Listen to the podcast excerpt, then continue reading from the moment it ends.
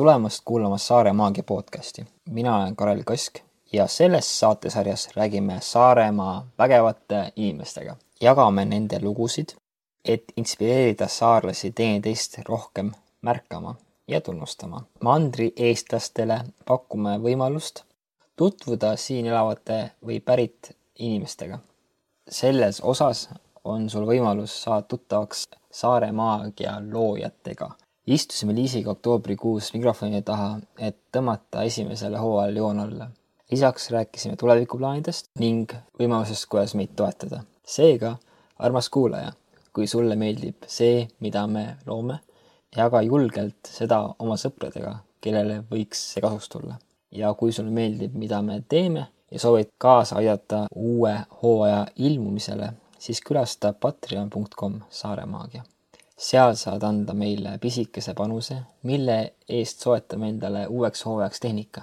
nii saame ka uuel hooajal jätkata ja tuua teieni saarlaste lood. mõnusat kuulamist!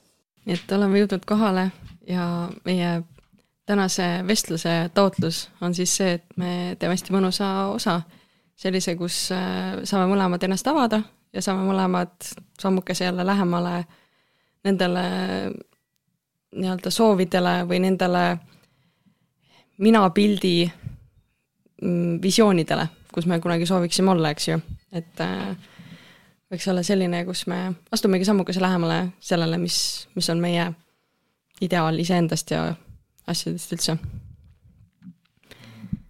no tere tulemast ka minu poolt ja tere tulemast Hirve. et siin siis äh, kuu aega tagasi istusime Liisiga esimest korda maha et teha midagi uut, enneolematut, ava-, ava-, avardavat.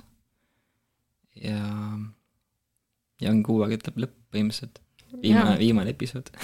et ähm, see oli jah, see oli augusti lõpp, kui ma siia tulin esimest korda ja siis sai äh, söödud ja joodud ja räägitud, et äh, et põnev asi see podcast'i tegemine, et pole kumbki kunagi varem teinud, et et sina oled küll videoproduktsiooniga ju tegelenud ja mina olen ka siin paaris podcast'is osalenud külalisena, aga et ise teha niisugust asja nagu Saaremaal ehm, oli lihtsalt võimalus.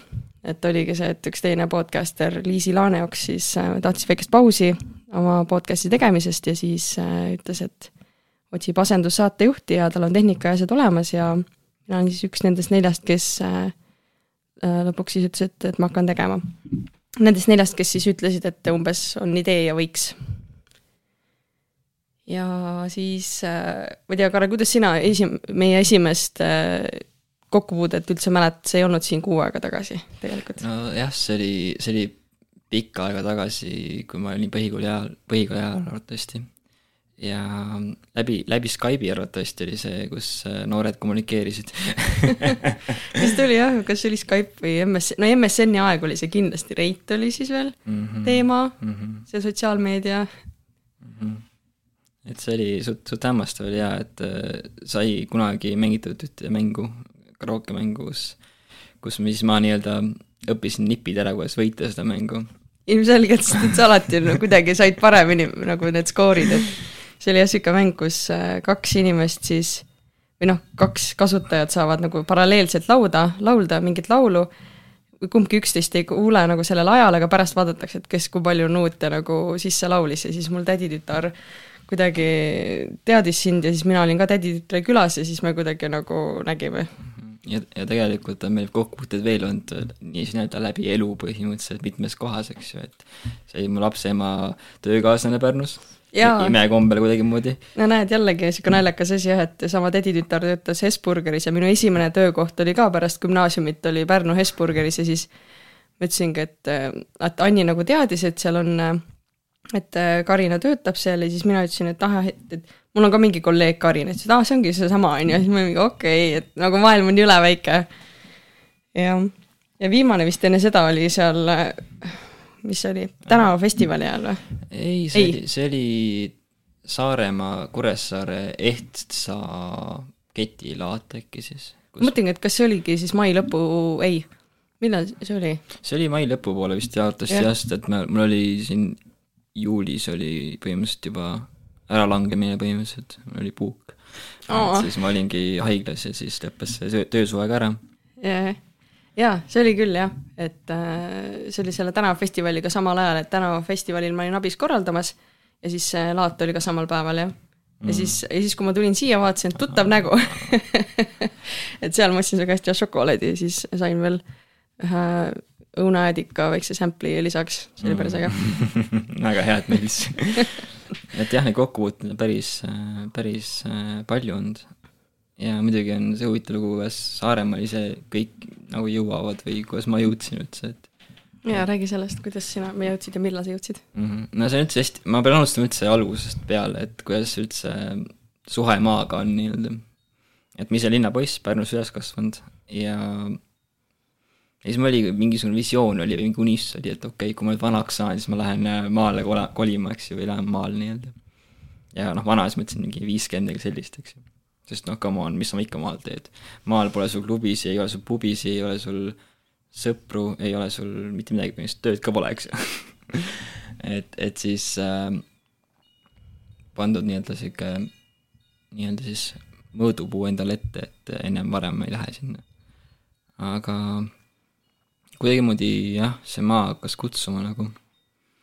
ja ma mäletan siis kaks aastat tagasi põhimõtteliselt mul oli üks äh, huvitav äh, rännakutseremoonia oli, kus ma käisin siis ühe šamaani juures rännakul. ja peale rännakut andis mulle taimekese, et äh, minna siis teha endale väike nii-öelda tseremoonia, mis siis hõlmab, hõlmas endast siis viis päeva olemist üksinda, ilma segadajata, ilma telefonita, ilma sotsiaalmeediata, ilma ma ei tea, teiste energiatega põhimõtteliselt, ilma nendeta. ja ma läksin siis enda isa korterisse, Võidulasse, mis on siis Pärnust äh, kuskil viiskümmend kilomeetrit eemal Paide poole. ja võtsin siis töölt vabaks ennast ja läksingi, olin viis päeva üksinduses. Viie päeva viis päeva siis viis päeva oli ära, läksin siis tagasi linna, et äh, oma asju siis uuesti jätkata nii-öelda enda elu justkui, mis siis on nagu ootas mind. Ja jõudsin siis korterisse ja siis tundsin, et see surm, mis tuli sealt, oli nii raske, et äh, põgenesin kohe sealt nii-öelda, kuna ma liit-, lihtsalt nii tundlik olin ja ma elasin siis korterikassadel ka, poissmeeste korteris. seal oli natuke kitsas siis nagu ei, sulle? kitsast ta polnud, aga lihtsalt see Vaimselt. energia, mis oli seal, oli niisugune rõhuv nagu mm.. ja kui sa oled energias pidevalt sees kuskil, kus sa ennem olnud pole või noh, kogu aeg oled sees, kus sa kogu aeg oledki, siis sa paned tähele seda nii-öelda kontrastust. kui sa oled eemal ja seal ei viibi siis mingi teatud hulk aega, harjud ümber, siis äh,, siis sa paned tähele, et kus sa oled nagu ja paningi tähele ja siis oligi vist nii, et äh, juba see õhtu vist või, või äh, järgmine õhtu põhimõtteliselt pakkisin asjad kokku ja sõitsin siis äh, viiskümmend kilti kaugusele siis tagasi samasse korterisse, sest et noh, tühi, keegi ei ole seal. ja hakkasin siis käima äh, Pärnusse tööle. see oli esimene kokkupuude siis maaeluga nii-öelda, noh, kuu aega olin, nägin, et see pole pikka, noh, nii-öelda siis seal maal sa pead leidma endale viisi, kuidas maal elada. ehk siis linnas tööl käimine ei ole kõige arukam nii materiaalselt kui ka ajakululiselt nagu, sest et aega on ju viidatud kogus nii-öelda.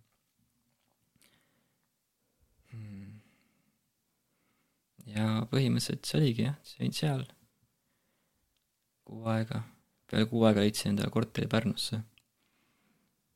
ja siis kot-, tutvusin Janega ja ma elasingi põhimõtteliselt siis seal korteris elasin mingi pool aastat äkki. oli võimalus siis äh, kolida Adilasse. Adila on niisugune huvitav koht, mis on siis äh, Kehtna küll, ei mitte Kehtna, vaid jah, vist Kehtna ikka, seal Harjumaa kandis nii-öelda, Raplamaal, kus on siis ka niisuguse, kuidas öelda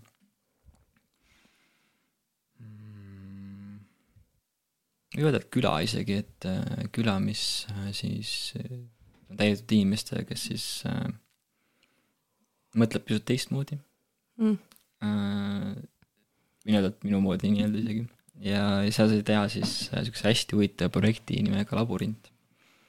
nii et kui nüüd keegi läheb Adila külje alla, siis Pihali külla, siis on põllu peal näha ühte viiekümne diameetrise suurusega kivilabürinti, kus on väiksed munakivid ja keskel on siis pagua.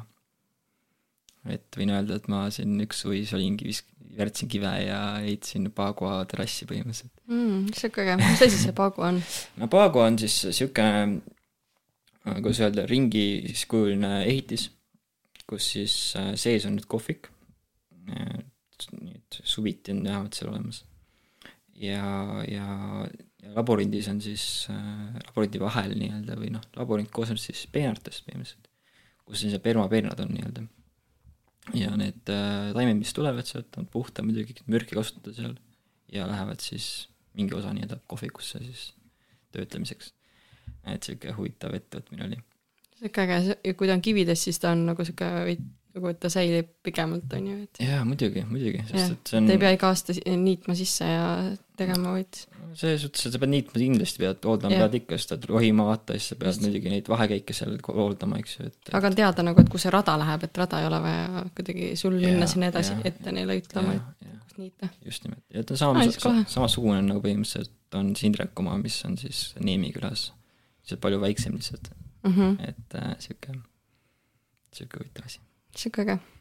ja peale, peale siis seda, kus me ära tegime selle seal, see projekti, oktoobrikuus siis oligi plaan, et okei okay,, kolime Saaremaale siis. ja siis tulimegi Saaremaale mm. -hmm. ja Jane juba enda osas natuke mainis ka, et see oli kuidagi nagu koos teiste ja. nagu tema sugulastega vist või?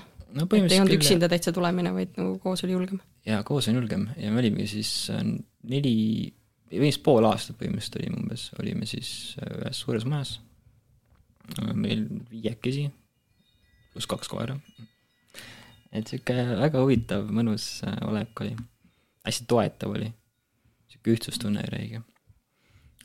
ja kui leping lõppes seal, siis tulimegi, meie tulime siia majja ja nemad läksid siis Kuressaarde korterisse. et, et nii oli. ja kuidas sulle siis nüüd siin meeldib siin Mändjalas, kus äh, ei ole neid klubisid, pubisid, sõprad ei ole kohe, võib-olla noh, naabrid on ka sõbrad siit nagu mm -hmm, näeb ka naabreid mm -hmm. ühele ja teisele poole, on ju, aga see, siia tulekuks ikkagi tuleb sõitale niisugusest alast nagu see kahekümne ala, vaatasin, et päris huvitav mm,. Yeah, et noh, muidugi et niisugused äh, väiksed teed, et kuidas siis on olla siin looduse keskel? see on huvitav jah, et sest nagu selle nii-öelda, sel ajal, kui ma see tseremoonia oli, siis mul oli väike shift oli nii-öelda, kus ma siis muutsin nii-öelda siis, nimetasin ümber enda siis justkui visioonid, nägemused ja tahted ja, ja elumõtted nii-öelda. ja noh, siis need, need pidutsemised, mis, mis olid nii-öelda noh, jätsin maha nii-öelda ja nüüd ongi see, et ma polegi neid mhm. põhimõtteliselt, et aga ma tahtsingi just küsida, et mis, milline su elu nagu enne seda siis oli, et äh, kas ta oli nagu niisugune näpud püsti jee-jee noore inimese elu või oli ta, või noh, et oled sa need asjad ära teinud selles mõttes, et mm, -hmm. et enam sa neid ei igatse? mis su nagu see elu enne oli, kui sa mäletad või oskad kirjeldada? see oli, see oli mingi jälle mingi periood nii-öelda justkui nagu, et äh, see mingi periood kus äh, tegelikult oli isegi veits põgenemist äh, enda mõtete eest põhimõtteliselt ja, ja väga nagu niisugune näpud püsti oligi eluviis põhimõtteliselt, et äh, iga nädalavahetus oli mingisugune koht, kuhu minna jälle, mingi pidu jälle. ja kui sa Tallinnas elad, siis nagu neid pidevalt ongi nagu mingisugune rütm, mis sul sees nii-öelda oli mm. -hmm. et ootad nagu ja tead kindlalt, et nädalavahetusel on nagu mm -hmm, see mm -hmm, tegevus mm -hmm, nädala sees, noh, teed oma asjad ära, eks ju nojah, ja see oligi huvitav oli see, et mingi hetk juba tekkis niisugune koht, kus hakkas segama tööelu nii-öelda. et, et põhimõtteliselt üks äh, mingisugune pühapäeva õhtu äh, hakkas mingi trall pihta jälle ja, ja ütlesidki, et okei okay,, nii. esmaspäeva tööle ei jõua. vahet pole, on ju. jah, aga, aga see, mis, mis nagu tunne pärast veel sisse tuli, see oli nagu väga väga niisugune pettumus jäi suur endas. Enda, enda enda, enda, ja enda nagu sihuke kirved endas põhimõtteliselt mm -hmm. enda suunas ma mõtlesingi, et kas sa oled nagu tagasi vaadates natukene nagu piinlikkust ka tundnud selles suhtes või natuke kahetsenud, et need asjad nagu tollel hetkel jäid või sa oled nagu rahu teinud nendega praegu? See on nii mitmetasandiline küsimus kusjuures, sest et äh, me elame selle jaoks kogedavat, eks ju. ja kogeda tulebki nagu, ta ongi see, et kui tark sa oled, et äh, kas sa jätkad samamoodi, nagu sa tegid seda asja, või siis sa muudad mingi, midagi ja teed mingisugused ähm, kuidas öelda, noh, notes'id nii-öelda, et sa teed midagi teistmoodi elus edasi mm. -hmm. Ja ega ma ei, ega ma väga ei kahetse, sest kõik on ikka nii, nagu minema peab, vaata, ja, ja see ongi nagu see, et kui seda poleks olnud, poleks siin, poleks siin praegu nagu yeah.. ehk siis nagu iga asi on millegi jaoks vajalik ja, ja see oli väga õpetlik aeg nii-öelda iseenesest. väga põnev aeg oli. ja eneseületust oli päris kõvasti, sest et nagu mäletan, kui mul oli see viimane värk oli, et, et ma nagu äh, hakkas tööd segama, siis ma läksin Soome. Ja ma läksin siis äh, niimoodi, et ma võin kunagi öelda omale, et mina, Karel, kunagi Soome ei lähe mitte kunagi, ehita, ehitaks ka ei lähe, vaata. ja läksin aknapesijaks, aknapesijaks sinna suvel. ja siis jäingi Soome aastaks ajaks elama ja talvel olin ehitaja noh. nii et kõik, mida sa ütled, et ma kunagi ei tee, tegelikult tuleb ikkagi järel ära teha, on ju. just nimelt, just nimelt, nii et ei saa öelda mitte kunagi nii-öelda. Ja ma tõesti olen seda ka, et ma kunagi podcast'i mikrofoni ette ei astu, aga. võib-olla sa kuskil oled seda mõelnud, et issand, mina küll seda ei tee või nagu mm, -hmm. et ma võin filmida, ma võin teisi intervjueerida või nagu teiste käest küsimusi küsida ja neid üles võtta, aga nagu Not for me. just, ja see ongi just see, et mida rohkem, mida, need asjad, mis sa kardad elus kõige rohkem, need on need, mis õpetavad nagu. ja need on need asjad, mida peaks tegema, et see on niisugune klišee ütlus ka, et, et asi, mida sa kardad, peaks olema järgmine asi, mida sa teed, eks ju mm. -hmm. et muidugi nagu noh, ei pea nagu lollusi tegema, aga nagu asjad, mis nagu arendavad selles mõttes mm. -hmm. ja samamoodi kõrguskartus oli ka samamoodi, oli issue nagu eelnevalt, et nagu kõrgele minnes on sihuke no, no, no, no, no ma ei lähe sinna nagu, no. aga, aga põhimõtteliselt äh, Soomes aknapesi olles sa pead kõrgusesse minema. nii et siis sa olidki nagu seal üleval korvis, tõst-, korvtõstukis nii-öelda teises naes, et noh, tunne, tunned, et tuul oli minema, siis hoiad sina, seinast kinni, vaata võtad aknalaost kinni võtad, et võta sealt kinni, et see aitab, vaata yeah ja eks praegu vahepeal, vahepeal oligi see, et kartsid ja, ja oligi, et äh, nagu okei okay,, aitab küll nüüd mm. -hmm. aga õnneks oli muusika see, mis aitas. eks klapid pähe, kohes muusikat ja tegid tööd. nii-öelda siis üritasid välja selle instinkti, et all on nagu mingisugune maa nii-öelda põhimõtteliselt. Mis, mis muusikat sa kuulasid siis mm? -hmm. ma olen alati nagu, mul on elektrooniline muusika nagu alati peale istunud. ja, ja kuna ma olingi siis, need peol, kus ma käisin, olid siis äh,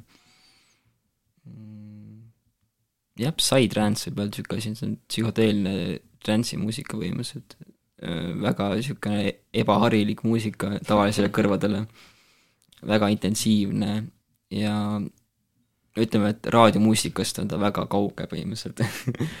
Et äh, see oli siis äh, tollane muusika, mida ma kuulsin. Muidugi see ka muutunud jällegi eluaja jooksul, sest et nüüd on vaikus on äh, parem kui muusika. Kuidagimoodi nagu, ehk siis äh, jah.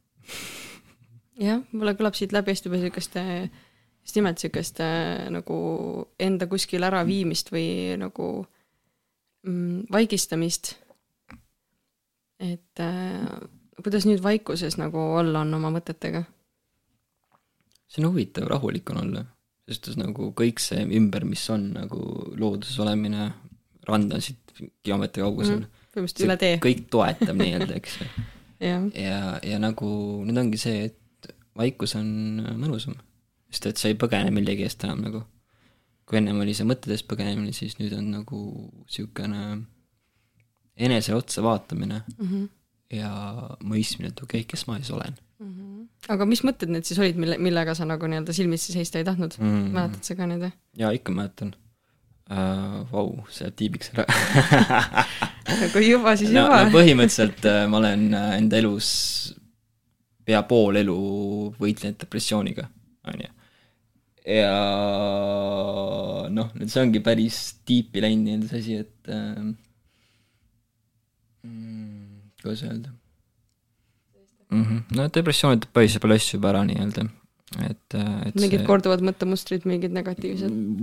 no pigem, pigem pidevalt ohvris, ohvrimeelsus ja ohvris Mm. olemine, et see nagu iseloomustab seda asja nagu mm.. ja see on ikka tegelikult äh, väga huvitav, et ma mõtlesin ka just mingi päev, et et äh, see elu ongi ju meile mingisuguste asjade lahti harutamiseks tegelikult ja me oleme saanud nii mõnusad kas, kas iroon-, kas nii-öelda iroonilises mõttes mõnusad või päriselt mõnusad pagasid endaga kaasa, mida me siis nagu elu jooksul siin nagu arutame, eks ju, et ähm, ja kõik need asjad, mida me teeme tegelikult, kui me laseme juhtuda nendel asjadel, noh, mitte nagu täiesti nagu teadmatult ei lase, aga nagu võtame vastu selle, mis nagu tuleb ja seda õppetunnina nagu võtame, siis tegelikult see aitabki meil paraneda, eks ju. Et kõik, kõik kogemused äh, inimestega, noh, enamasti ikkagi inimestega nagu õpib kõige kiiremini seda endast arusaamist ja sellest, et kust sa tuled ja miks sul nagu need, miks sul on olnud sellised vanemad, miks sul on sellised sugulased, siuksed sõbrad, siuksed nagu asjad, et et mina olen küll märganud, et need asjad kuidagi panevad ennast vaatama ja nagu ja ei, keegi tuli. Fredi läks vaatama, teeme väikse pausi. Fredi läks õue, lükkas ukse lahti, vaatas keegi tuli vist nii, aga jätkame siis natukene positiivsematel äh, toonidel. mis sulle Saaremaa juures väga meeldib, kui sa oled siin paar aastat elanud juba? see pole, no põhimõtteliselt aasta on täis põhimõtteliselt elatud mm. -hmm. ja, ja see on hästi huvitav, on see, et saar kuidagi toetab räigelt pa,. väga palju toetab nagu. Et äh, side on selle kohaga ja samamoodi see isoleeritus natukene. et see on pigem nagu, pigem eelis kui nagu mm, kuidagimoodi jah, pigem eelis nii-öelda. et äh, see on rahulikum, siin on vähem seda rikkumata seda nii-öelda linnamüra või rikkumata mingisugust loodust või asja. kõik on nagu ehe. mm. -hmm. kus sulle Saaremaal olla meeldib? See on väga huvitav küsimus praegu. lemmikpaika vist polegi, ma arvan, et lemmikpaik, üks lemmikutest on kindlasti rand, mis on siinsamas. ja, ja siis ranna ees on mets nii-öelda. et need on kohad, mis on väga mõnusad. see ranna ees mets on tõesti väga äge, et mäletan, kui ma käisin aasta tagasi sõbrannaga, siis tema on niisugune, kes jalutab hästi kiiresti. ja me tulimegi siia sama mändi all ka, läksime mere äärde ja panime auto ära ja ja siis tuleb natuke minna läbi metsa ja mina nagu mingi vaatan ja vaatan mingi puid ja vaatan mingi, oo mingi tigu, mingid taimed, uimerdan. tema on mingi, tule juba, tule juba, et mida sa uimerdad, on ju, et kõnnime, me tulime kõndima. ja siis ma mõtlesin, et aga kuhu kiire on, on ju aga samas ma saan aru, et kui mere äärde jõudsime, siis tõesti nagu seal võib nagu kiiresti kõndida, sest et seal nagu vaatad merd, aga kui metsast väiksest tukast läbi lähed, siis on kuidagi sihuke tunne, et nagu, et vau, et nii palju nagu kuidagi vaadata, et mulle nagu hullult meeldis see. minu meelest on ka see asi, et, et nagu ma olen ka väga kiire iseloomuga inimene olnud, et ma kiirustan päris palju nagu, aga sa nagu mingi hetk peatud ja, ja siis lähed kind aeglasemalt, vaatad, siis esiteks sa näed palju rohkem asju. loodus kuidagimoodi tuleb sulle paremini lähemale põhimõtteliselt, mitte ei ole see, et mul on klapid ees ja panen edasi nii-öelda. et, et see on nagu jah, igale inimesele soovitan võtta aeg maha ja lihtsalt kõndida rahulikult. jah, kuigi kõndimine mulle üldse ei meeldi. mul on, ma olen ka see, et kui kuskile, kui on vaja jõuda punktist A punkti B, siis tuleb jõuda hästi kiiresti sinna, et nagu mida me uimerdame, aga samas mulle väga meeldis see, mis sa ütlesid, et jah, et niimoodi aeglaselt kõndides sa saadki nagu päriselt, saad näha, mis nagu sinu ümber on, et et ähm, jaa, et autoga võib sõita, saad just kiiresti kohale, rattaga ka, aga kõndides näed nagu kõige rohkem veel. ja kui sa oled jalutamas, siis võtadki aega enda tegelikult ju jalutamiseks, mitte ja. kuskile edasi perutamiseks. jah, just, et oleneb, mis, mis, mis mõttega minna. jah, et äh, ma olin eile just käisin rannas kusjuures seal jalutamas Frediga. ja võtsingi siukse hästi aeglase tempo põhimõtteliselt, kus ma siis kõndisin väga aeglasti. jällegi võtsin hingamise alla nii-öelda, rahulikult läksin ja siis mingi hetk käisin ära ja vaatasin taha. Nii vähe käinud või? et nagu enda meelest juba mingis peaks kuskil kilomeeter vähemalt olema, aga mingisugune Mhm. viissada meetrit näiteks, eks ju. ja, ja siis äh, noh, kuna rand ja vesi ja nii edasi, siis põhimõtteliselt viimasel ajal on olnud see, et ma ei planeerinud seda mingisugust asja, et ma lähen vette, aga millegipärast alati on see, kui ma randa lähen, siis lähen vette lihtsalt mm.. vahet pole, mul rätikut ja asju pole, lihtsalt lähen mm. -hmm. Vette nii-öelda see on nagu siis äh, väikest viisi talisuplus. kalastamine. jaa, see on, aga samas see toob väga keskmesse ka nagu, jah, see on ikka täiesti müstika nagu. jaa, külm vesi on see, kus sa pead, see on nagu see ellujäämisinstinkt, et sa pead nagu keskenduma ühele asjale lihtsalt ellujäämisele ja sa ei saa mõelda mu muremõtteid ja Mhm. ma ei tea, kas sa Wim, Wim Hofist oled lugenud, kuulnud? jah, ma olen sellest midagi kuulnud isegi. Et tema ju tegelikult ka hakkaski, no tal olid väga-väga rasked ajad, et naine tegi enesetapu ja tal oli vist neli last mm mm. -hmm. või midagi nii ja, ja oligi, et äh, see külm vesi nagu aitas tal äh, koondada oma mõtted ja mitte mõelda, et kuidas ta hakkama saab ja nii edasi, sest tema ei ole ka väga niisugune raamides äh, inimene, et tal oli väga raske nagu üldsegi finantsiliselt. aga sealt mulle jäi hästi meelde just seesama, et see külm vesi toob kohale. et sa ei saa nagu olla mures, sest mures olemine on kas minevikus või tulevikus olemine, mitte keskmes olemine. just. et noh, see ongi see, et esiteks on, kui alustada seda, siis on tegelikult räige eneseületus, minna jääkülma vette. ja, ja noh, ma alustasingi nüüd sellega umbes kaks aastat tagasi äkki Pärnus, isegi kolm aastat tagasi, kus ma hakkasin maikuus hakkasin käima vees igapäevaselt. meil oli niisugune klubi nagu Viie klubi, kes siis, hunnik inimesi, kes ärkasid hommikul kell viis ülesse ja kella kuuest said kokku siis jõe ääres, et minna siis veeta aega ja minna ujuma, eks ju. et see oli hästi niisugune ja me räägime siis hommikust. vi- viiest hommikust, kuuest hommikust. et, et see oli nagu vägagi jälle eneseületav nii-öelda jällegi see asi. mm. -hmm. ja siis sellest saatigi ongi jäänud nagu sihuke talisuplus on jäänud äh, hobiks nagu. et see on väga mõnus nagu, et just see, kui sa tuled jääkülmast eest välja ja su keha on siukene torkeline. Tingling. jah, tingeling, eks ju. ja, ja siis see pärast see emotsioon, mis tekib sellest mm. -hmm. pärast seda nagu, et, et see on nagu, kõigile soovitan põhimõtteliselt. jaa, ma ise olen ka teinud päris pikalt, nüüd äkki mingi poolteist aastat järjest ma võtan külma duši lihtsalt hommikuti. et see on ka lihtsalt parim nagu, et olgugi, et vist täna hommikul oli viimati, kus ma mõtlesin, et äkki ma täna ei võta, aga, aga enamasti on see ikkagi nagu see, et see nagu nii automaatne, see on kehas lihtsalt, see on nagu kehamälus, et need hommikurutiinid, et soovitan, see on ka väga äratav ja kohaletoov ja mõnus. aga millega sa praegu siis, Karel, siin tegeled Saaremaal? millega ma tegelen, no ma olen äh, nagu mõttest lahti ma selle, et ma tahan teha, teha tööd siis pigem targalt kui raskelt. ehk siis äh, tegelen äh, videotöötlusega enamus ajast ametialaselt nagu. et äh, töötan videosi, nüüd alustasin endaga firmaga põhimõtteliselt ka. ja, ja siis suvine niisugune hobi korras töö äkki vist võib öelda, on akende pesemine et kuna ma tegin seda tööd juba siis aasta aega tegin Soomes, eks ju, ja mul asi käpas. ja noh, see on töö, mis inimestel tavaliselt on niisugune pisut frustreeriv minu meelest isegi. jah, sest seda ei tehta tihti ja siis sul ei tekigi seda oskust nagu mm -hmm. väga, on ju. et, et see on nagu niisugune asi, mida ma olen nagu teinud siin paarile kliendile. ja mis veel ma mõtlen? no mingi trenn on näiteks, käin trennis ja mis trennis sa käid? kick-poksi hakkasin käima, hästi huvitav äh, jällegi mingisugune koht, mis äh, on enesele sissevaatamine nagu. Et tehes, tehes Mm. jälle midagi, mida sul jälle on sihuke nagu pigem kas hirm või mingisugune siukene eemaldus on pigem peal Ahah. nagu. et, et nagu pole kunagi siis äh, pooldanud vägivalda, mitte kunagi nagu.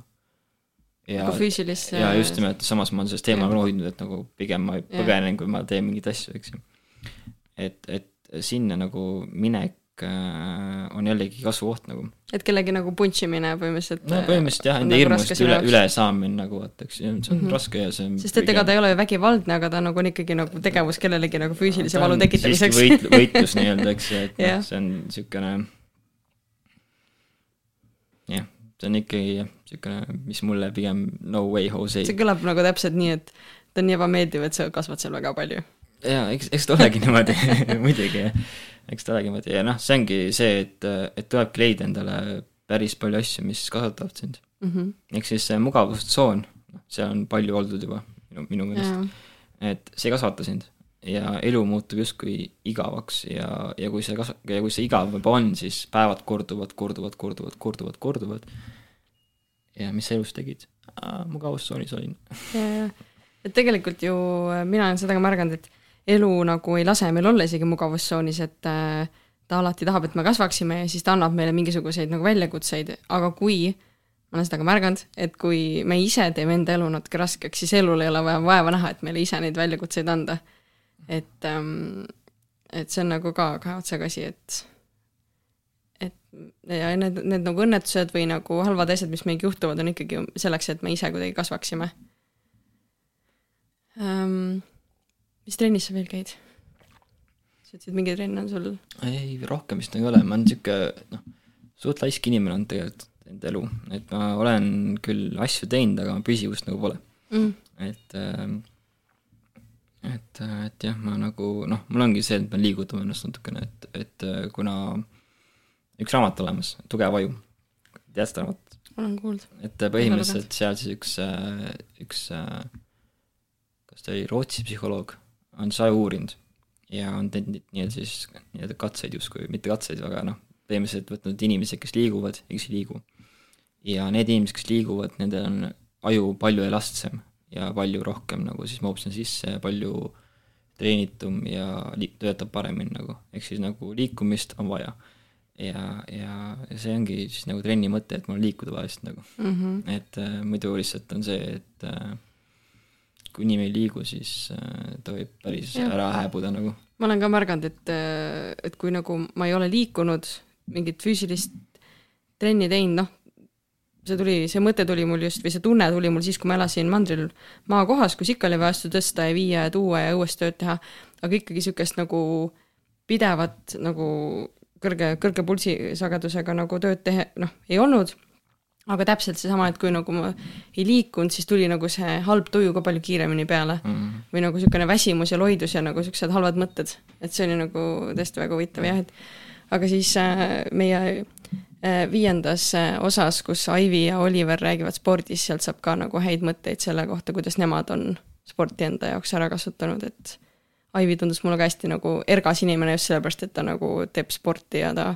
tegeleb spordiga ja juhendab sporti ja et noh, see hoiab nagu hästi noorena, see on nagu mm hästi vahva. see on hästi huvitav paradoks praegu on, et sa oled väsinud, kui sa sporti ei tee. on ju, jaa et nagu kus see loogika on, aga see on niimoodi. see on niimoodi, et isegi kui pärast trenni oled väsinud, siis on täpselt nagu niisugune tunne, et ah oh, kui hea nagu, et mingi, mingi energia, mingi raskus läks välja hoopis mm. -hmm. et sellepärast võib-olla oled väsinud. just, just, just. lahe, ja mis ähm, mis see podcast'i tegemine nüüd sulle õpetanud on, kui me siin kuu aega oleme koos äh, inimesi külastanud, oled filminud, et sina ju mikrofoni taha praegu ei ole jõudnud mm, -hmm. et mina olen nagu olnud külalistega ja sina oled alati olnud äh, siis pannud äh, kaamera filmima ja vaadanud arvutist neid multitrack'e ja asju ja pannud osasid kokku, et mulle nagu, ma olen hullult tänulik, et sa nagu selle tehnilise osaga oled olnud siin see kuu aega, et mm -hmm. Et mul on jäänudki see külalistega kokkuleppimine ja suhtlemine ja nende tausta uurimine ja nende küsimuste ettevalmistamine ja kõik asjad, et et mis sa ise nagu nüüd selle kuu aega siis õppinud, kogenud oled, mis mõtted on tekkinud? mm.. see kuu aega on ta väga-väga kiiresti läinud nagu, see on nagu tõesti väga kiiresti läinud. aga mida ma õppinud olen, väga huvitav küsimus. ma ei, ma ei teagi otseselt, mida ma õppinud olen nagu, sest et äh, mul on nagu see asi, et kui midagi tuleb mu juurde, siis äh, võtan vastu selle tavaliselt, sest ma kunagi ei tea, kus see koht viib.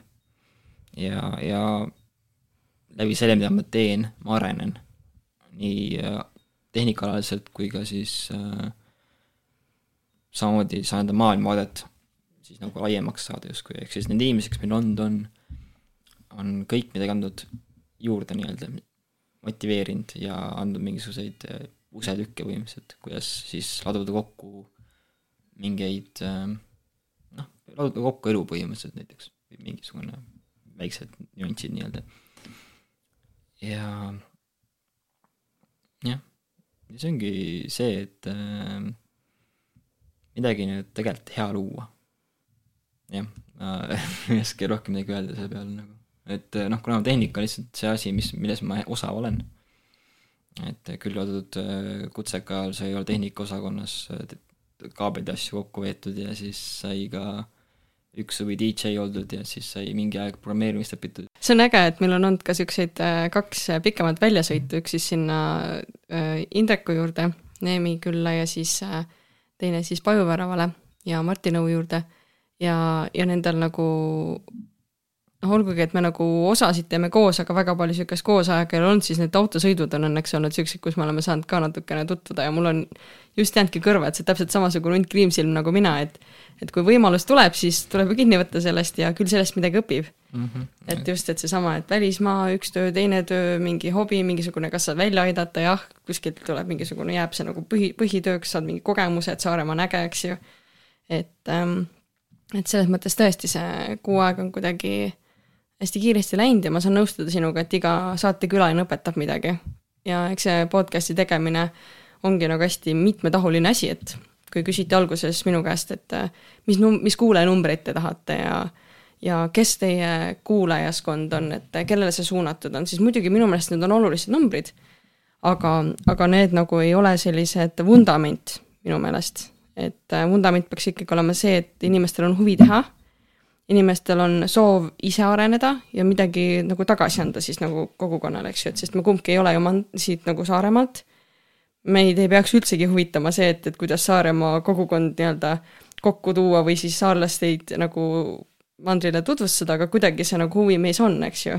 ja mõlemal on nagu oma mingisugune nagu roll, sinul siis see tehniline ja siis häid ideid tuleb sult, see mulle meeldib, ja minul siis niisugune sisuline, eks ju, et küsingi häid küsimusi, et, et see on alati mulle kompliment, kui saatekülalised ütlevad, et see on hea küsimus, siis ma mingi, see on lihtsalt puhtast huvist tore, et sa annad tagasisidet. et jah, et äh, naljakas on jah olnud, et äh, et praegu see osa tuleb välja siis ilmselt siin novembrikuus. et me salvestame seda siin siis äh,, täna on neljas oktoober, eks ju. kolmas, neljas. Oktoobri alguses me salvestame seda, et sa, et nagu äh, nüüd Liis, nagu alguses sai mainitud siis, et Liisi Laaneoksalt saime selle tehnika siin äh, kasutamiseks ja nüüd äh, saame selle ilusti tagasi ka anda. ja, ja äge teekond on olnud siiamaani ähm,.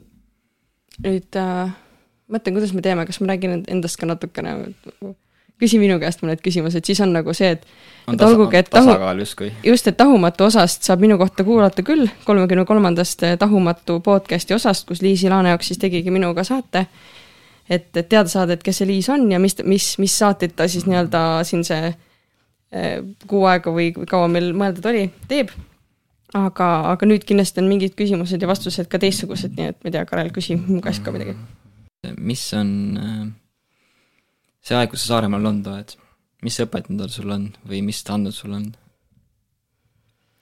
Ehm, noh, minu jaoks on Saaremaal ka muidugi see, et äh, miks ma siia tulin, on see, et mu elukaaslane on Saaremaalt ja mm, nagu siis, kui me mingi äkki teist korda elus nägime ähm,, võib-olla ma räägin selle loo, ma olen seda lugu rääkinud, aga põhimõtteliselt on see, et, et me tulime sõbrannaga Saaremaale ja mu elukaaslase vanemad olid nõus meid majutama ja ma sain selle, me saime majutuse tänu tema noh, mu elukaaslase Hannese vennale kuna ta vend oli meid varem külla kutsunud ja siis äh,, ja siis, kui me nagu olimegi, kui me tulime siia uuesti lihtsalt olema sõbrannaga, siis äh, kui me käisime saunas, siis äh, noh, mulle meeldib küsida igasugu huvitavaid küsimusi mm -hmm. ja siis ma küsisingi Hannese käest, et kui sa saaksid ükskõik kus elada maailmas, siis kus sa elaksid oh,?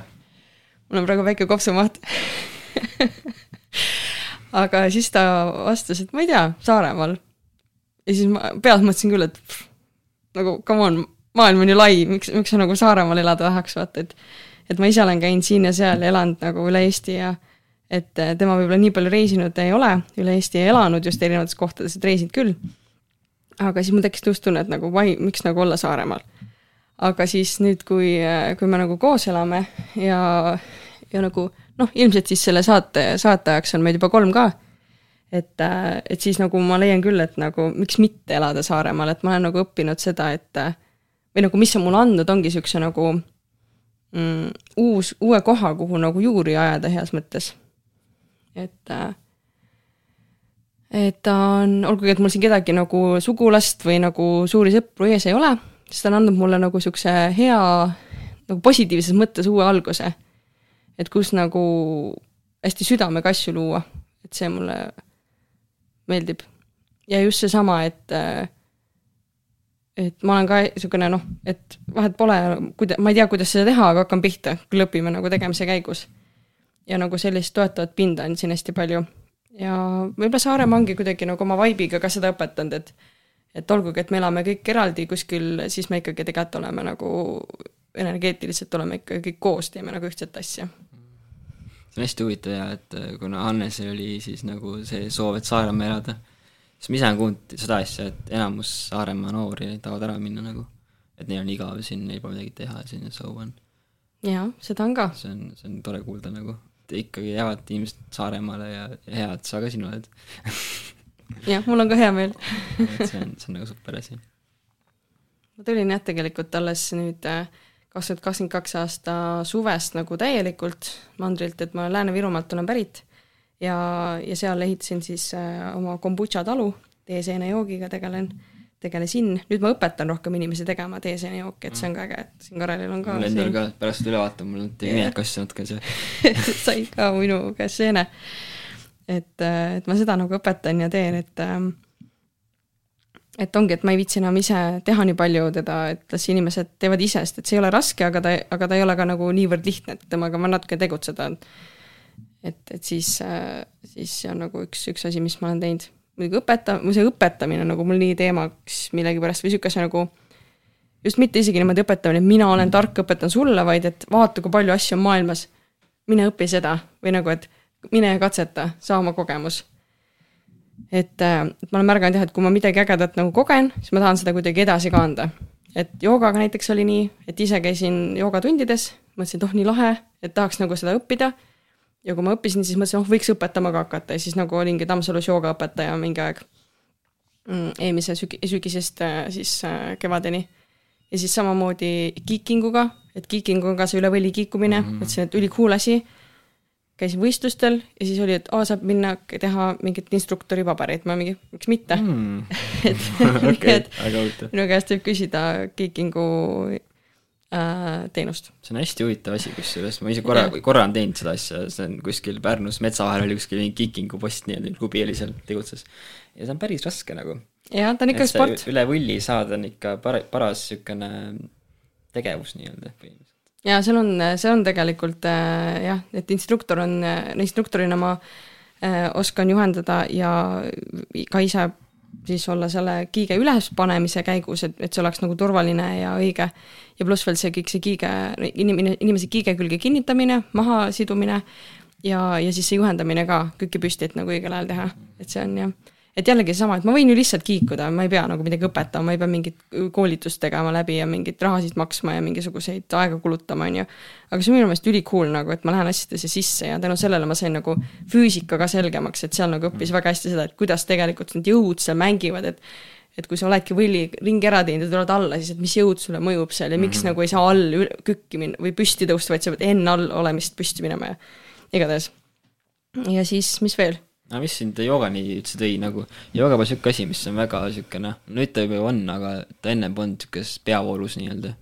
vaikselt nüüd hakkab tulema nagu peale, aga kust sa leidsid selle ja miks sa näiteks sinna läksid nii-öelda õppima seda asja, et mis sa saanud oled sealt, mis uksed avanud sul on ja, ja mis oli see nii-öelda see põhitaotlus või niisugune asi, miks sa läksid sinna mm? -hmm. nii, kolm küsimust korraga yeah.. Äh, esimene asi, kuidas ma jõudsin sinna, on see, et lihtsalt äh, kuna ma Tallinnas käisin, elasin mingi kaks tuhat üheksateist aastani Tallinnas, mõned aastad, siis äh, reedeti oli lihtsalt hommikuti MyFitnessis joogatund. et kui ma käisin hommikul enne tööd, siis iga päev midagi oli, kolmapäeval käisin ujumas, teistel päevadel rühmatrennides ja siis äh, oli jooga.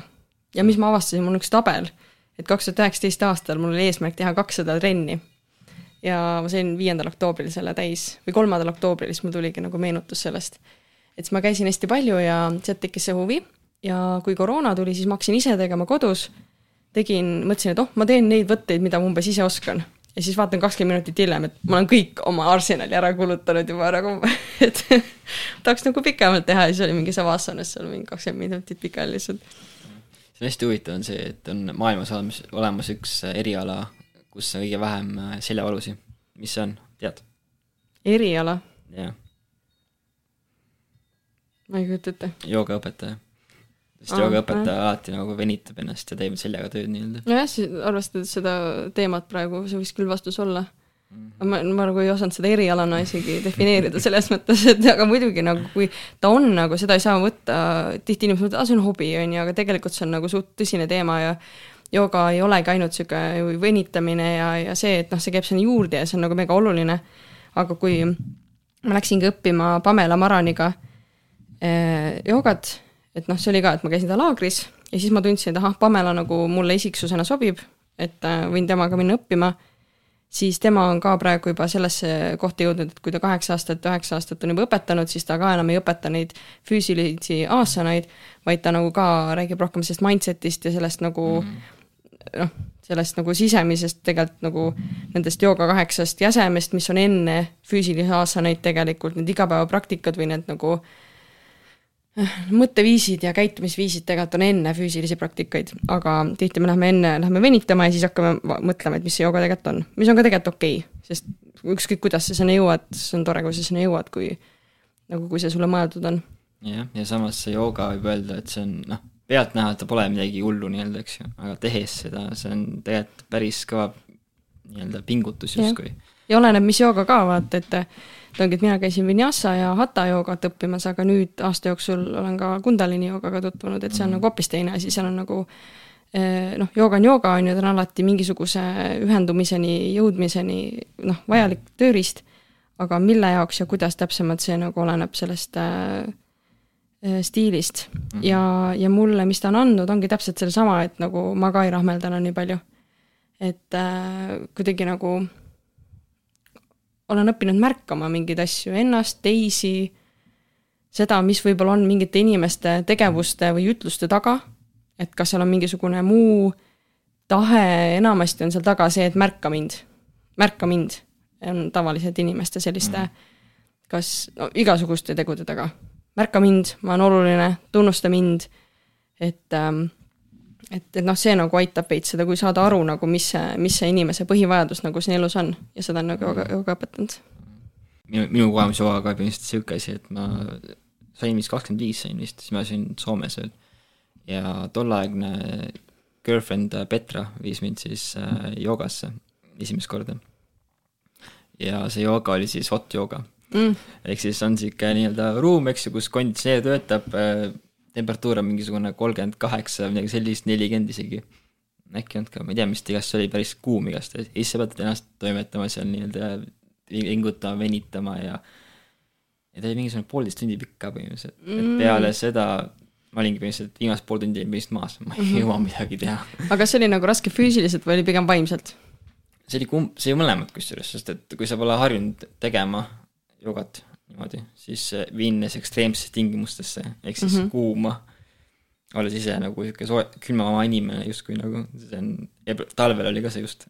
jah, aga see oli Soomes, vaat Soomes on see saun teema, okei okay.. jah, põhimõtteliselt küll jah, et see oli paras pingutus nagu mm. -hmm. Väga... ma kujutan ette, et tegelikult äh, see meel ka hästi palju räägib, et see on crazy, see on nagu palav, sul on, sa oled väsinud mm, -hmm. et see on mhm. nagu põhiasi, et et, et jooga ka nagu õpetab märkama neid mõtteid, sest mõtted on väga okei okay halvad mõtted on väga okei okay,, aga kui nendel eh, ei lase ennast nagu üle võtta, sa märkad, siis on nagu, siis on okei okay., kui sa oled nagu, et halvad mõtted umbes, ma ei tea, üritad neid ära lükata, siis see on nagu niisugune vastutöö, et et nii kõvasti, kui sa lükkad, nii kõvasti lükatakse sulle vastu mm. -hmm. et kui sa astud sammu tagasi, siis nagu inimene või see halb mõte on ka nagu mingi okei okay,, ma ei tea, sain oma tähelepanu kätte ja nüüd lähen ära, eks ju mm. -hmm et selles mõttes jah, et, et äh, jooga is fun, ma olen lastejoogat ka õppinud ja lastejooga ma leian, on ka hästi lahe, et, äh, et oluline juba lastele väiksena, väiksest peale seda nagu elu õpetada, sest jooga õpetab kuidagi nagu elu, aga lastejooga just sellepärast, et on niisugune lapselik,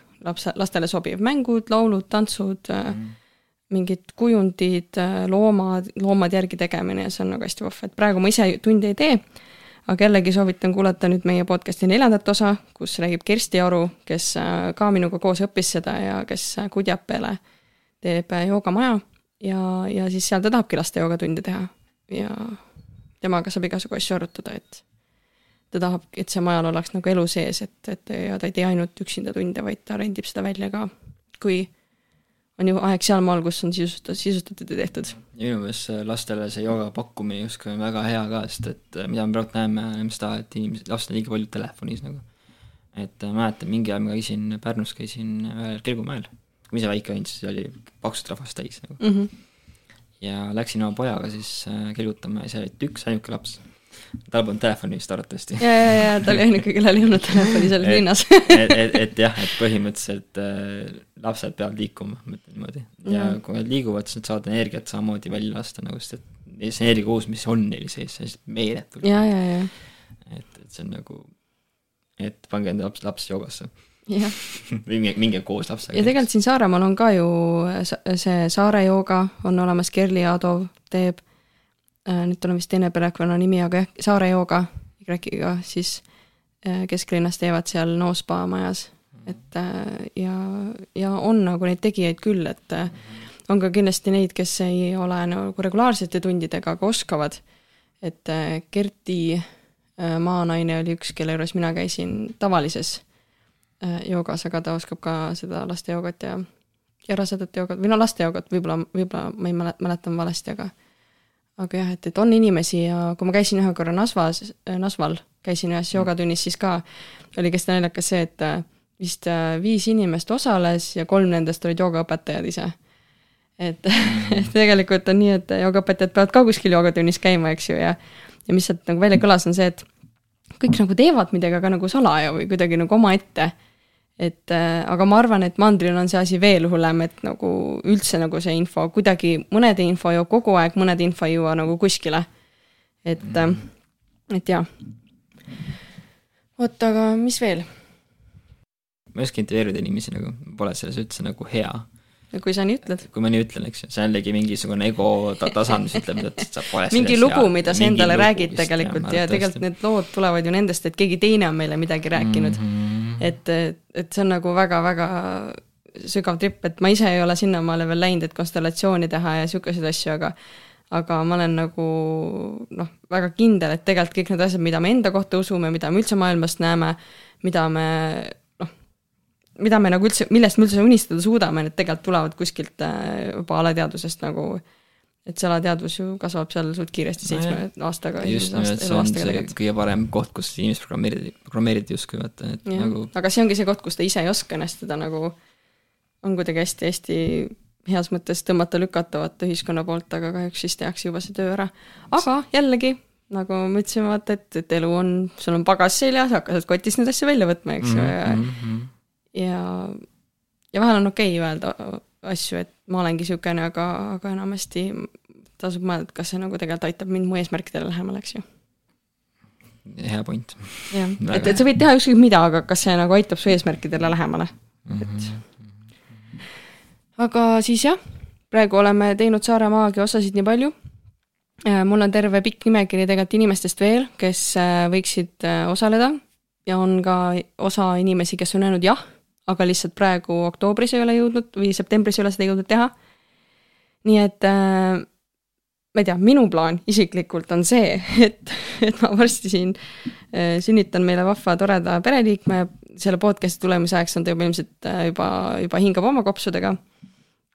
aga, aga siis äh,, kui tuleb jälle tegutsemistahe tagasi ja ma arvan, et siis äkki vaatame, millal tegut-, tegutsemistahe ja kindlasti ka inimeste feedback.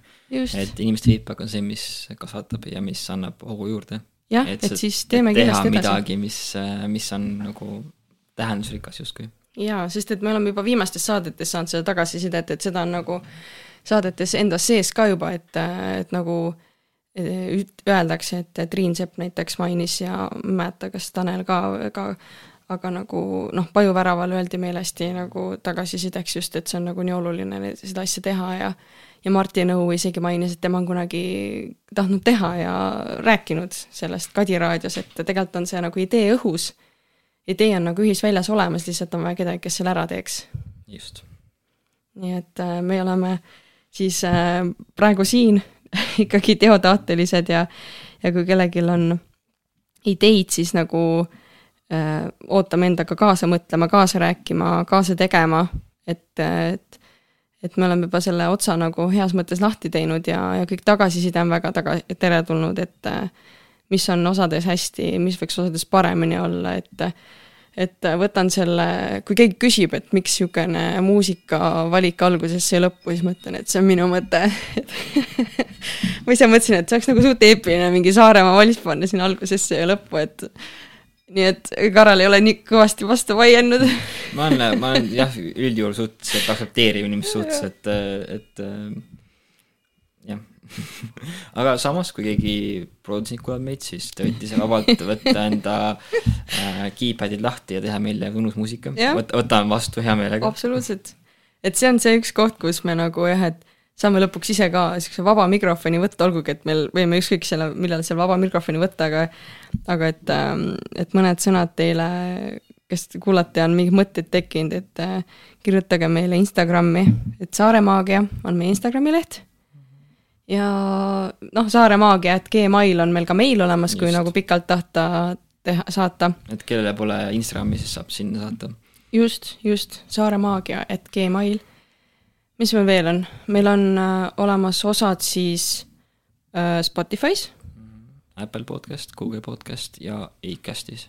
Acast nagu Akast. jah, Akast jah, et sealt saab ka kõik äh, isegi, isegi tõmmata isegi saab vist need episoodid alla minu meelest, et kui kellelgi tahab ja muidugi meil ka Patreon olemas, kus saab saata südameid ja nii-öelda Tengi cash'i money, saatke raha. kuld, kulda ja muid asju, et, et nagu see on tõesti vajalik, sest et eh, nüüd varsti on meie tehnikat vaja. jah ja..., et praegu on see siin laua peal, aga varsti on meil vaja enda käel eh, hakkama saada ja mm -hmm. siis me, kuna see on meile mõlemale ikkagi ei ole täiskohaga töö ja, ja nagu noh, hobidesse muidugi panustame, aga nagu hea meelega võtame vastu selle nagu teie poolehoiu ja teie selle hea energia, et kõik need lood, mis juba praeguseks on saanud äh, mm, nagu purki, et teha veel sarnaseid lugusid veel ägedate inimestega, sest ma kujutan ette, et kui te olete kuulanud, kui sa oled kuulanud, siis äh,, siis on tekkinud mõte, et ahah, aga sellega võiks ju osa olla ja sellega võiks ju osa olla ja meil endal on ka mõte, aga lihtsalt äh, me tahame teha seda hästi. just, et äh et kvaliteet äh, iPhone'i mikrofoniga pole piisavalt hea või siis läpaga mikrofoniga, et et, äh, et teile kvaliteeti sisu tuua, on vaja õiget tehnikat ja õiget asju. ja Saaremaal veel nii palju inimesi, kelle juurde jõuda vaja on. absoluutselt. et teieni tuua. nii et meil on vaja sõita ja, ja no kohalkäimist on eriti ägedad, Põõvärava talul, talus äh, Marti juures käisime, siis ongi, et Indrek Nõu jaoks sõitsime ka kohale, et selles labürindis käia, labürindis käia, eks ju, et noh, et, et väiksed sihuke noh, tegevuskulud ikkagi nagu on, eks ju, ja me oleme väga tänulikud, kui, kui ongi selline nagu energiavahetus, et et kui sa oled siin midagi saanud, mingeid mõtteid, mingeid ideid, mingeid võib-olla mingeid inimesi, kellega koostööd teha, kui sa oled piisavalt julge, et nagu nendega rääkima, sest et kõik need inimesed on väga avatud meelega et siis, äh, et siis on väga aus nagu, et niisugune väikene tänu meile ka jõuab. nii et Patreon, patreon.com, kaldkriips Saare Maagia. ja mm, üks äh, special thanks äh, Marlen Heldemeelele, kes ei teagi, et ta meile nii ägeda nime andis sellele podcast'ile, sest et ma kuulasin seda mm, Tahumatu podcast'i saateosasid või noh, neid saateid ja Marlen mainis seal, et Saaremaa, tema, Saaremaal kuidagi on selline mingi saare maagia. ja siis mul käis klõps, mõtlesin, see ongi see nimi nagu see podcast'i nimi, sest siis mul oli juba mõte nagu, et, et, et võiks teha seda ja siis sealt see tuligi. ja see on äge nimi ja see on, ja see viimane küsimus sinna lõppu on ka sihuke hästi orgaaniliselt tulnud, et mis siis see saare maagia on, et tegelikult Patreoni kohta korraks natukene ka vaata, et meil ongi nii, et enamik osasid on olemas üleval äh, helifailina, aga on ka videod tehtud, eks ju. ja, ja videod ongi siis äh, selline materjal, mida me tahaksime anda nendele, kes, äh, kes on nõus tegelikult natuke rohkem ise ka vastu andma, sest et see video tegemine, timmimine, see võtab nagu päris palju aega energiat ja, ja nagu niisugust leidlikkust siin Karel teeb neid päris usinalt. et siis äh, videod jääksidki neile, kes nagu Patreonis äh, on äh, olemas ja, ja me mõtleme kindlasti veel midagi välja, sest et come on, me oleme ainult kuu aega teinud seda, seda podcast'i, et nagu issand jumal ei ole ju nii palju mõtteid ka veel jõudnud teoks teha, aga, aga need tulevad siis nüüd tasapisi. ja, ja kui, ja korraks ma tuletan uuesti meelde, et kui me räägime kuust ajast, siis tegelikult me alustasime augusti lõpus ja praegu on oktoobri algus, kui me salvestame, et sellepärast me kogu aeg mainime seda kuut aega. nii et põhimõtteliselt alustasime samast ruumist, kus oleme hetkel, lõpetame põhimõtteliselt, põhimõtteliselt siin. et see on niisugune tuulekellade kulin-, nii-öelda siis äh, helinal. see on. Äh, jah, aga vot ongi nii, et, et see osa täna saigi tehtud ka sellepärast, et äh, Karel ka mikrofoni taha saada, et natukene aru saada, et kes, kes ja kus me oleme. Instagramis saad ka juba teada, kui vaatad neid lugusid ja neid postitusi, et me enda kohta jagame sinna. aga, aga natukene ka sellest, et äh, mis ja kus ja kui teil on mingeid küsimusi selle kohta, siis ka kirjutage meile, et me ise võib-olla vaatame ühe nurga alt seda, aga teil on võib-olla mingid teised nurgad, et. ja lisaks on meil Youtube keskkond ka olemas, kus on siis Indreku video üleval ja on üleval ka siis veel kaks videot, et äh, neid saavad vaadata siis kõik nii-öelda, kes tahavad vaadata mm. -hmm. et Youtube'is jällegi Saare Maagia. just. igal pool, Saare Maagia, Saare Maagia igal pool, et Saare maagia on siin õhus igal pool vot, aga vahva tegelikult, äkki siis tõmbamegi otsad kokku. jah, võib küll. et äh, näed, see, näed, see tuli ka lõpuks ära, ma pole nii ammu neid teinud, et ma olen tegelikult, üks asi, mis ma tahtsin öelda, et ma olen õppinud äh, seda, et mikrofoni sisse ma ei pea tegema niimoodi. ja ma ei pea ütlema Need on kaks asja, mis ma suht kiiresti ära õppisin pluss veel äh, muud väiksed asjad, et see on küll nagu hästi õpetlik olnud, see jah, äge. aga aitäh sulle selle tee eest ja aga Karel, ütle sina, mis on sinu meelest Saare maagia mm? -hmm. ma just eile tulin mandrilt tagasi, olin seal nädal aega, või mitte nädal aega, vaid siis kolm päeva põhimõtteliselt. ja jah, võib öelda, et see shift, mis toimub siin, et kui sa tuled Muhumaale sealt praamilt maha, siis tunned energia muut-, energiamuutust kohe. samas siin on nagu hästi vaikne, mõnus olla. juba see on maagia. ja, ja nagu jah, ma arvan, et äh, see on jällegi asi, mis ei saa panna sõnadesse, et sa tundma, tunnetama. ja eks iga inimene tunnetab seda teistmoodi, erinevat moodi ja, ja iga, iga enda moodi nii-öelda, et see on ka täiesti õige mm. -hmm aga, aga jah, see on paradiisisaar põhimõtteliselt. paradiisisaar keset äh, Balti merd vot. aga aitäh sulle ja aitäh sulle, et sa kuulasid ja et sa oled, äh, kui sa oled veel osasid kuulanud, siis ka aitäh, kui sa veel ei ole jõudnud, siis vaata, need on kõik olemas. anna meile tagasisidet ja ole hoitud. aitäh, tšau.